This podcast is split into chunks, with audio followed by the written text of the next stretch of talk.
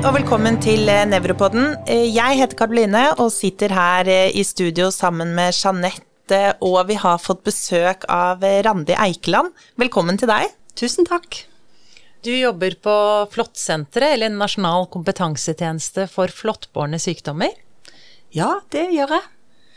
Og i dag så skal vi snakke om nevroborreliose. Så vi har lyst til å høre litt fra deg som har jobbet mye med det. Hva er det for noe? Ja, Det er jo en eh, betennelse med en bakterie i eh, nervesystemet, og den eh, bakterien vi snakker om nå, er denne borrelia-bakterien, en sånn spirokjetbakterie. Og så er det sånn at en tredjedel av flåtten hos oss i Norge, den vanligste flåtten, skogflåtten, Sodes risinus på fint, den har borrelia-bakterier i seg, og vi blir egentlig ganske ofte smitta av den. Ja, så en tredjedel av de har denne slags bakterien, eller du sa det var en bakterie, men jeg trodde kanskje at du sa spirochetabakterie? Ja, den mest kjente spirokjetbakterien er jo syfilisbakterien, eh, så det er i samme gruppa som den. Eh, og eh, det at en tredjedel av flåtten har den i seg, det er ikke sånn at det er sånn overalt, men sånn gjennomsnittlig så er det det. Sånn at hvis den får et flåttbitt, så er det jo ganske stor sjanse for at den blir eksponert for borrelia-bakterien. Hvis du eh, blir bitt av denne type flåtten, som har den bakterien i seg, eh, vil du da eh, få den bakterien uansett, hvis du blir bitt av akkurat den flåtten? Nei, for det skal en del til før den blir overført. Og nå kommer jeg til noe av det viktigste jeg skal si sånn for folkeopplysning, for å si det sånn. Det er nemlig det at det tar litt tid før borrelia-bakterien mobiliseres på en sånn måte at den kan lage betennelse hos oss mennesker. I utgangspunktet så sitter den nede i tarmsystemet på flåtten, og det tar opp mot 24-48 timer for den for å skifte overflateproteiner, eller skifte frakk, som vi sier, og, og, og komme inn og kunne etablere en infeksjon i vår kropp. Så dermed så har vi litt tid på oss. Så det med flott sjekk å ta vekk flått eh, når man har vært på tur, sånn en gang i døgnet, flott sjekk, det er noe av det beste forebyggende man kan gjøre akkurat for borreliose. Og borreliose er én ting, og så nevroborreliose er noe annet. Så kan ikke du bare dra oss igjennom det? Jo, det kan jeg prøve. Altså, i de aller fleste tilfeller, så selv om du får bakterien i kroppen, så er det sånn som det er med mange bakterier, at kroppen ordner opp eh, sjøl. Altså immunforsvaret vårt er jo så godt at det vil eliminere bakterien før det blir noe sykdom. Og det, det skjer så ofte at hvis du ser på søgnebefolkningen, f.eks. på Sørlandet, der har vi undersøkt flere hundre, eller flere tusen mennesker, og der er eh, 22 av befolkninga positiv for borrelia antistoffer i blodet. Så det at vi får veldig mye borrelia-smitte, og vi vet ikke om noen andre smitteveier enn flått, sånn at eh, vi får veldig mye flåttbitt. Så er det da, hvis den da blir syk, eh, og at immunsystemet ikke fikser det opp med en gang, så er den vanligste sykdommen det å få et utslett, som sikkert mange har hørt om. Dette flåttutslettet. Migrans. Erytema migrans, ja. Og det ville nok ha forsvunnet av seg sjøl hos de aller fleste, eh, men for å forhindre at noen skal få nettopp f.eks. nevroborreliose, eller det vi kaller en mer disseminert eller spredd sykdom, så eh, skal alle som har det utslettet ha penicillinbehandling for å hindre det. Så vi tenker oss sånn ca. 10% av de som får eh, erytema migrans og ikke blir behandla, vil kunne utvikle en disseminert borreliose. Og det er jo derfor en nevrolog sitter og prater om en infeksjonssykdom, for da er det liksom nervesystemet som er hovedønskestedet for borrelia-bakterien å gå. Og akkurat dette utslettet, hvis vi bare kan eh, fortelle litt om hvordan det ser ut, for det har jo en litt sånn typisk utseende. Nei, det tar du faktisk litt feil. Oh, ja. ja, og det er ikke du den eneste som gjør, så derfor har vi fokusert ganske mye på det. For vi har jo lært på skolen ikke vel, at det er en sånn bulls eye, eller at det er en, en, et flott bitt lite merke inn i midten, og så er det litt hvitt, og så, og så, ser du den røde ringen rundt som liksom brer seg utover. Og sånn kan det være. Men faktisk her hos oss så er det mer vanlig at de ikke har et sånn typisk utseende. Så hvis dere går inn på flottsenteret.no, så kan dere se masse bilder av forskjellige tema migran, Så det vi sier jo at hvis du har vært i et område hvor det er flott, og du får et utslett som vokser, da skal du være obs. Litt uansett hvordan det ser ut. Og blir det da større enn en gammel femkrone, så kan det være et erytema migrans, og man skal få vurdert om man ikke skal ha penicillin for det. Selv om det er pannekakeforma, kantete, med litt blærer på, litt sår, litt sånn uh, forskjellig utseende på, på det. Det var nyttig. Ja, det var det. Hvis du da har dette, så, så er det 10% som går til nervesystemet. Og det er det vanligste stedet, var det det du sa? At det går når det disseminerer? For jeg, jeg har også lest at det kan være ulike typer stadier. Har man gått bort fra det å kalle det type 1, 2, 3, 4? Ja, vi sier eh, tidlig form og, og sein form og kronisk form, eller mer sånn, ja. Veldig mange som får nevroboliose husker for det første ikke at de har hatt flåttbitt i det hele tatt, og iallfall ikke noe utslett. Så hvis man liksom legger bort den diagnosen fordi de ikke kjenner til at de har vært eksponert eller hatt utslett, så kan man ofte gjøre feil. Eh, Vi har jo snakket om at eh, etter et flåttbitt så kan man få et utslett av dette erytema migrans. Eh, Hvis man kommer med dette til fastlegen, så er det jo ofte at man tar noen blodprøver. Kan du fortelle litt om de? Ja, altså når man skal diagnostisere en infeksjon, så vil man jo gjerne helst finne bakterien, enten at man finner DNA med en PCR-prøve, som det heter, eller man dyrker det, eller man ser det i mikroskop. Men eh, ved borrelia så finner man det ikke noe særlig borrelia-bakterier i blodet i det hele tatt. Så dermed så er man avhengig av det vi kaller for indirekte tester. Og eh, det som er den beste testen for borreliose, det er disse antistoffene eh, IgM og IgG som kommer etterpå. Så det er de vi bruker i diagnostikken. Men nå må jeg få lov å korrigere litt, for du sa vi skulle ta blodprøve etter eritema migrans, så det skal vi ikke gjøre. Fordi 50% har ikke fått disse antistoffene enda.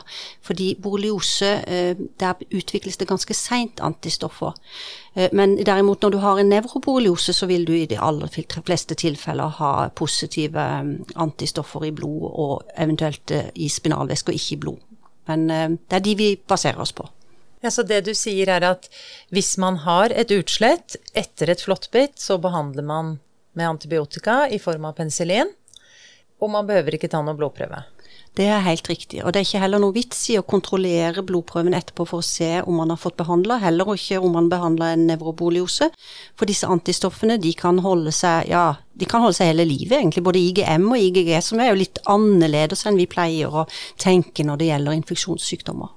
Mm. Da, da kan vi liksom hoppe litt på hovedtemaet i dag, da, med liksom nevroborreliose, og snakke litt mer om det. For da er vi litt mer over på blodprøver og tester. Men vi kunne kanskje snakket litt mer om hva gjør det med nervesystemet? For du sa i sted at det blir en betennelse i nervesystemet, men hvor? Ja, har, det har vi lurt mye på. Det har vært snakk om spres bakterien fra bittstedet med blodet, eller vandrer det liksom litt sånn retrograd eller bakover langs nervetrådene. Eh, det som er den siste, og sannsynligvis den riktige teorien, at det er en betennelse i de små karene som forsørger nervene med blod. Eh, disse, ja, Vasa nervorum? ja, akkurat. Takk for det. Eh, og så vil det da være en betennelse som Vi har ofte tenkt at kanskje betennelsen sitter i selve nerverota og mer inn mot eh, ryggmargen og sånn, men det vi vet nå, at det er veldig sjeldent at det er en betennelse i sentralnervesystemet, altså i eh, selve ryggmargen eller i hjernen. Så det sitter i hinnene og blodårene rundt nervene, og dermed også eh, er det lett å tenke, lettere å tenke seg hva slags symptomer man kan forvente for nevroborreliose. Ja, for det er det neste. Hva slags symptomer kan man egentlig forvente? Ja, og da er jo det når vi er nevrologer, så tenker vi hvis det er betennelse. For den betennelsen samler seg ofte rundt rota når den kommer ut av, av ryggmargen. Og da eh, kan vi jo tenke på hva slags symptomer vi pleier å finne da. Det er jo en slags radikulitt, da. Symptomene ligner veldig på en radikulitt. Eh, sånn at eh, den nerverota får forstyrrelse først og fremst av sensorikken eller følelsene i de nervene som eh, kommer ut fra den rota, for å si det sånn.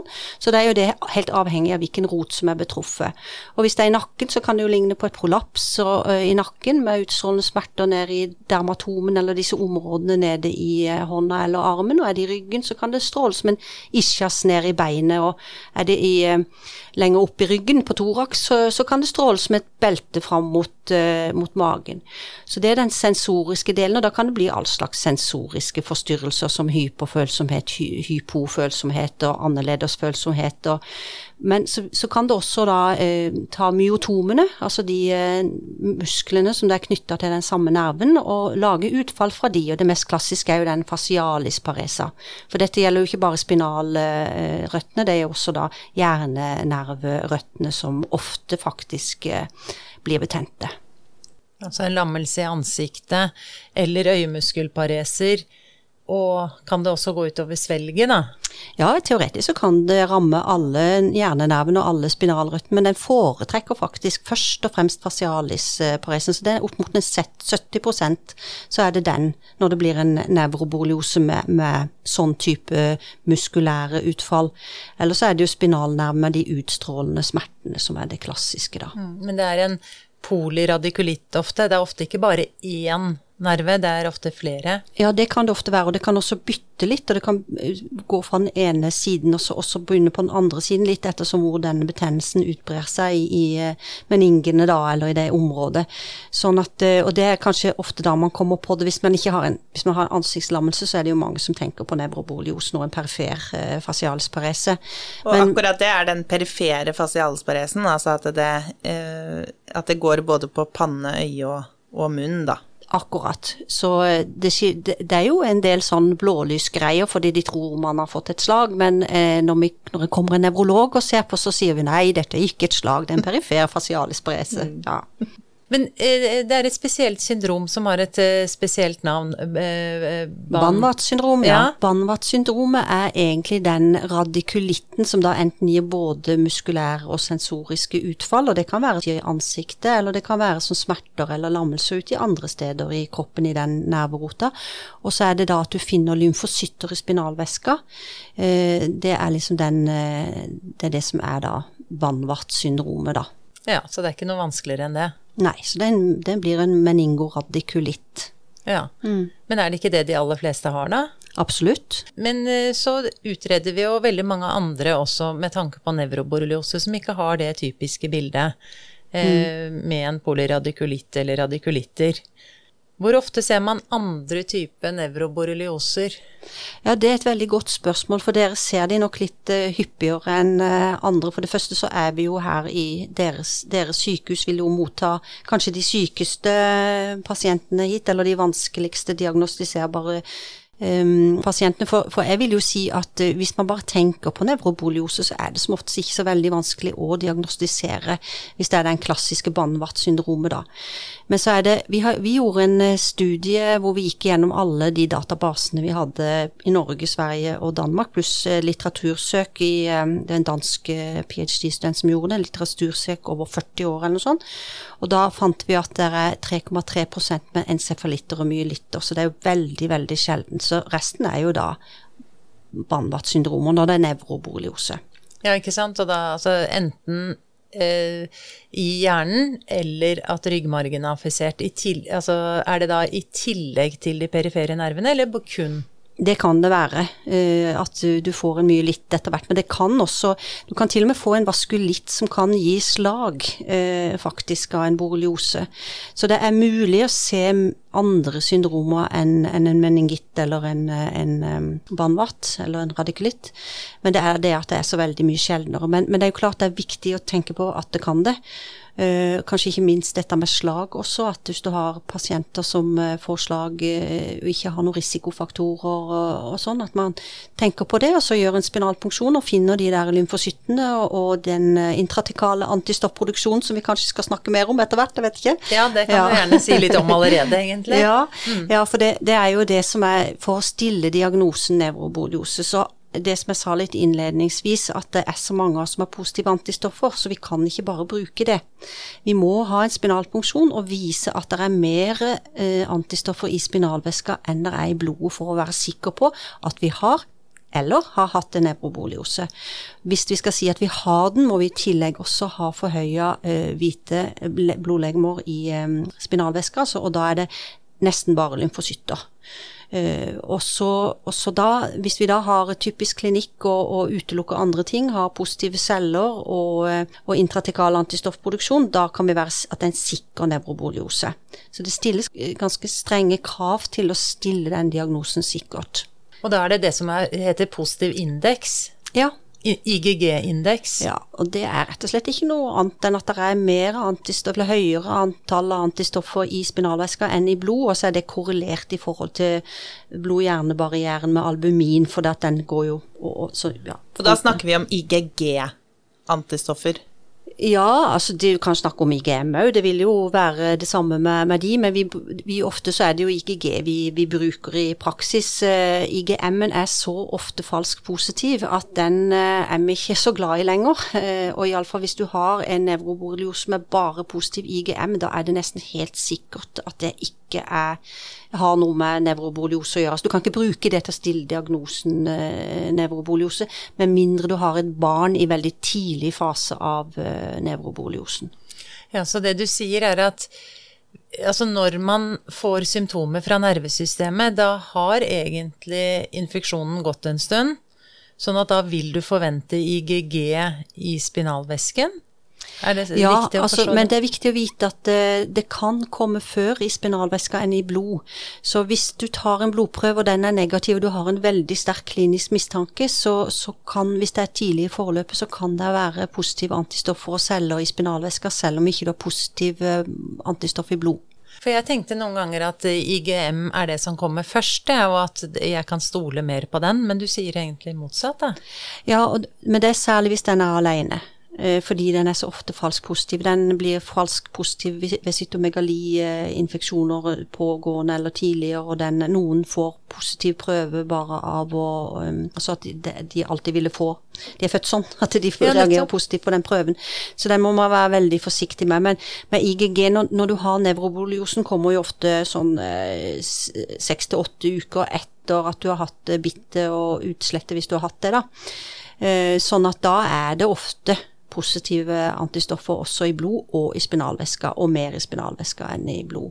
Men det kan være noen unntak, særlig hos barn som kanskje får uh, nevroboliosen tidligere enn oss uh, voksne. Mm. Så man skal være obs på det.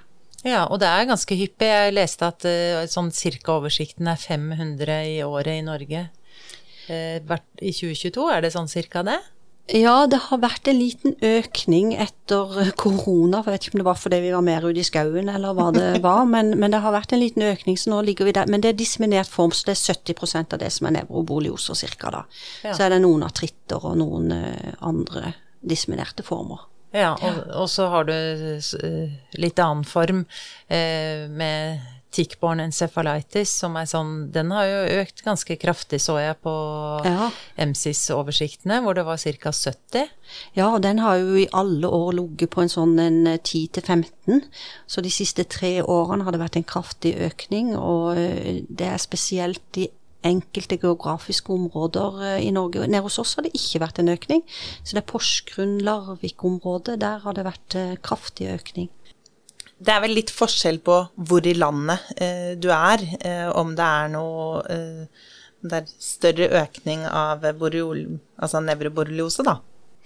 Ja, altså nå har vi sett på det, nå snakker vi om det der om seropositivitet, altså at man har positive antistoffer i blodet. Og som sagt nede hos oss, hvis du er 54 år gammel mann, så er det, da er det 46% sjanse for at du har positive antistoffer i blodet. Mens oppe i Troms, eh, på, på, eh, på UNN der, der gjorde de en studie, og da fant de oss blodgivere. Da var det 0,4% som var eh, positive. Og på Vestlandet var det noe ned, ned ja, 4% eller noe litt mer. Så det varierer hvor mange mange som har fått borrelia i seg etter som man bor.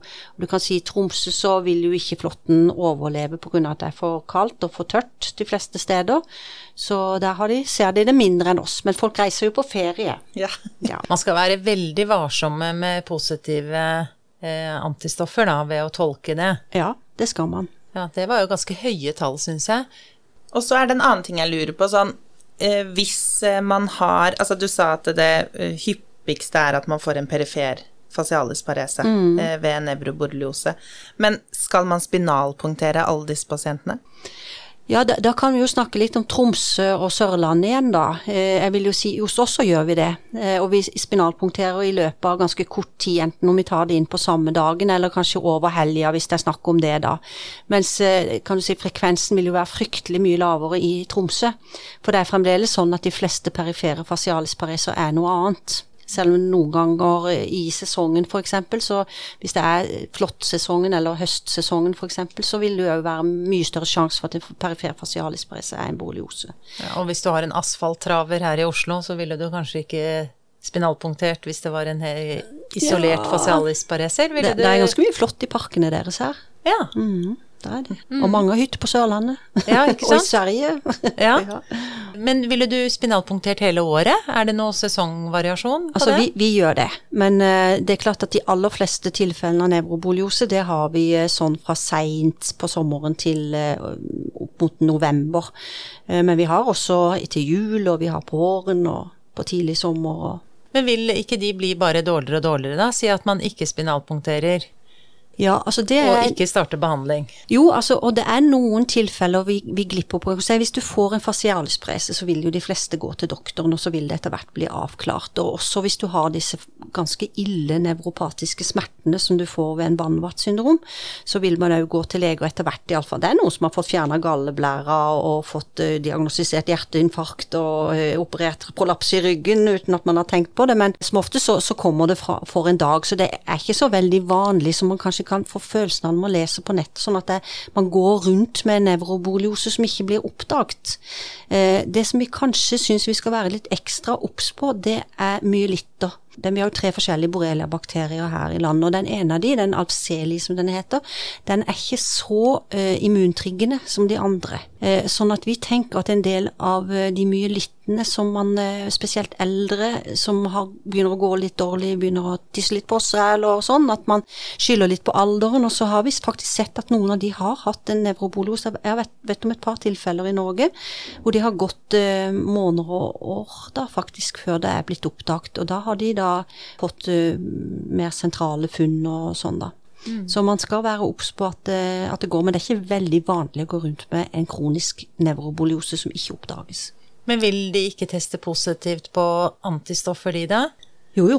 Men, men så er det jo enkelte ganger at man sier at man skal sende til spesialundersøkelser på antistoffer fordi de ikke tester positivt på de vi har her på Oslo universitetssykehus. Ja, og, og da, da pleier jeg å svare at vi har akkurat de samme antistofftestene i Norge som vi har i disse laboratoriene som de sender til utenlands, eh, men de bruker i tillegg noen ekstra tester som vi ikke mener er gode nok, eller det er faktisk nå etter flere forsøk bevist at disse cellulære testene, eller eh, de som de eh, bruker T-celletester, kaller vi de ofte, eh, de er ikke brukbare for å teste på borreliose. De det blir like ofte positivt eh, og negativt, så de kan man ikke bruke i diagnostikken. Så det er rett og slett en feil som blir gjort. Mm, Men er det noen andre antistoffer på enkelte undergrupper som dere kjører på Sørlandet? Til sammenligning fra oss, eller er det ikke nødvendig Nei. å sende til andre steder? Nei, det som vi gjør er at vi tester på en del andre flåttbårne patogener som ikke dere nødvendigvis tester på eller har tester for å teste på. Så det har vært litt sånn spesialisering for Sørlandet sykehus, eh, det der da. Så, men, men det er de samme antistoff. Det kan være litt forskjellige kits, som de sier, altså, som de bruker. Uh, det, og, de, og de kan slå litt forskjellig ut i forskjellige faser, hvor, ettersom hvor følsomme de er, som det ofte er med sånne tester. Men det som er viktigst for oss, at hvis du har en nevroboliose som, som står der, så er du kommet så langt ut i forløpet at da er, tester de ganske likt alle de testene som blir brukt på antistoffer. Ja, men, men det du sier er at hvis det er en annen flåttbåren sykdom, eh, så har dere et, et bredere eh, testmuligheter Ja. på Sørlandet. Kan ikke du bare si kort om det, for det skjønte jeg ikke helt. Har de da en annen klinikk, eller er det noe vi skal gjøre oftere? Mm, det, det, er også, det kunne vi ha snakka en hel episode om, tror jeg. For her er det mye nytt og mye spennende som vi har hatt forskningsfokus på på Sørlandssykehuset sykehus i mange år nå. Eh, både at det er forskjellige typer patogener i flåtten, det vet vi. Og når vi leter etter kliniske tilfeller eh, og tenker på det, så finner vi de også. Eh, eh, og så er det også det med immuniteten hos menneskene. Altså for eh, en som går på cellegift f.eks. litt samme type flåttbårne sykdommer som vi som ikke gjør det, eller som er immun, og det vet vi også mye mer om nå, at de får helt andre ting enn oss i tillegg, og litt mer alvorlige borrelioser og TB-er da. Så, så vi har, eh, eller vår klinisk-kjemisk avdeling, må sies, har bygd opp et, et eh, tilbud til testing av disse andre flåttbårne patogene som kan være hum- humanpatogene, som, som eh, man kan få kjørt, og da er det spesielt hvis man har feber av ukjent årsak. Da skal vi være litt ekstra nysgjerrige og spørre litt om flåttbitt. Helt til slutt så tenker jeg, eh, kan du si noe om behandling? Eh, der de ble oppdatert nå de siste par årene har vi oppdatert retningslinjene for behandling av borreliose både i primærhelsetjenesten og på, uh, i, i sekundærhelsetjenesten. Så de er he helt fine. Så den, dette utslettet behandler vi nå faktisk bare i ti dager uh, med vanlig penicillin.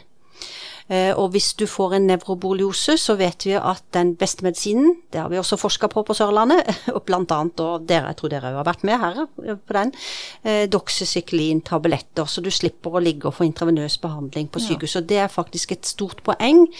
Nå gjorde vi en ny undersøkelse nå, nå om, om, vi infeksjonsmedisiner og nevrologer følger retningslinjene i Norden. Vi har gjort det før i Norge. Da var det veldig mange som brukte intravenøs behandling for nevroboliose.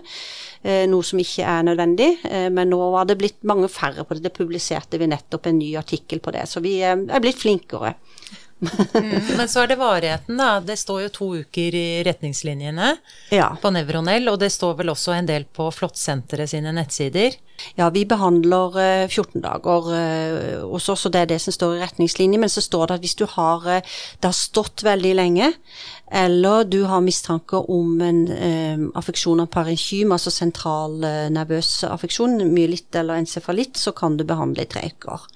Uh, også Reumatologene behandler også litt lenger. Og, så, så, men det er uh, For, for nevroboliose så, så, holder det med 14 dager. og Det som òg er nytt i retningslinjene nå, er at du, hvis du hvis, For hvis ikke de kan Poenget er hvis ikke de kan få svelget tablettene når det er så dårlig når de kommer inn, så er det jo et poeng å bruke intravenøs mm. ceftriaxon f.eks. til å starte med, eller vanlig penicillin for så vidt òg.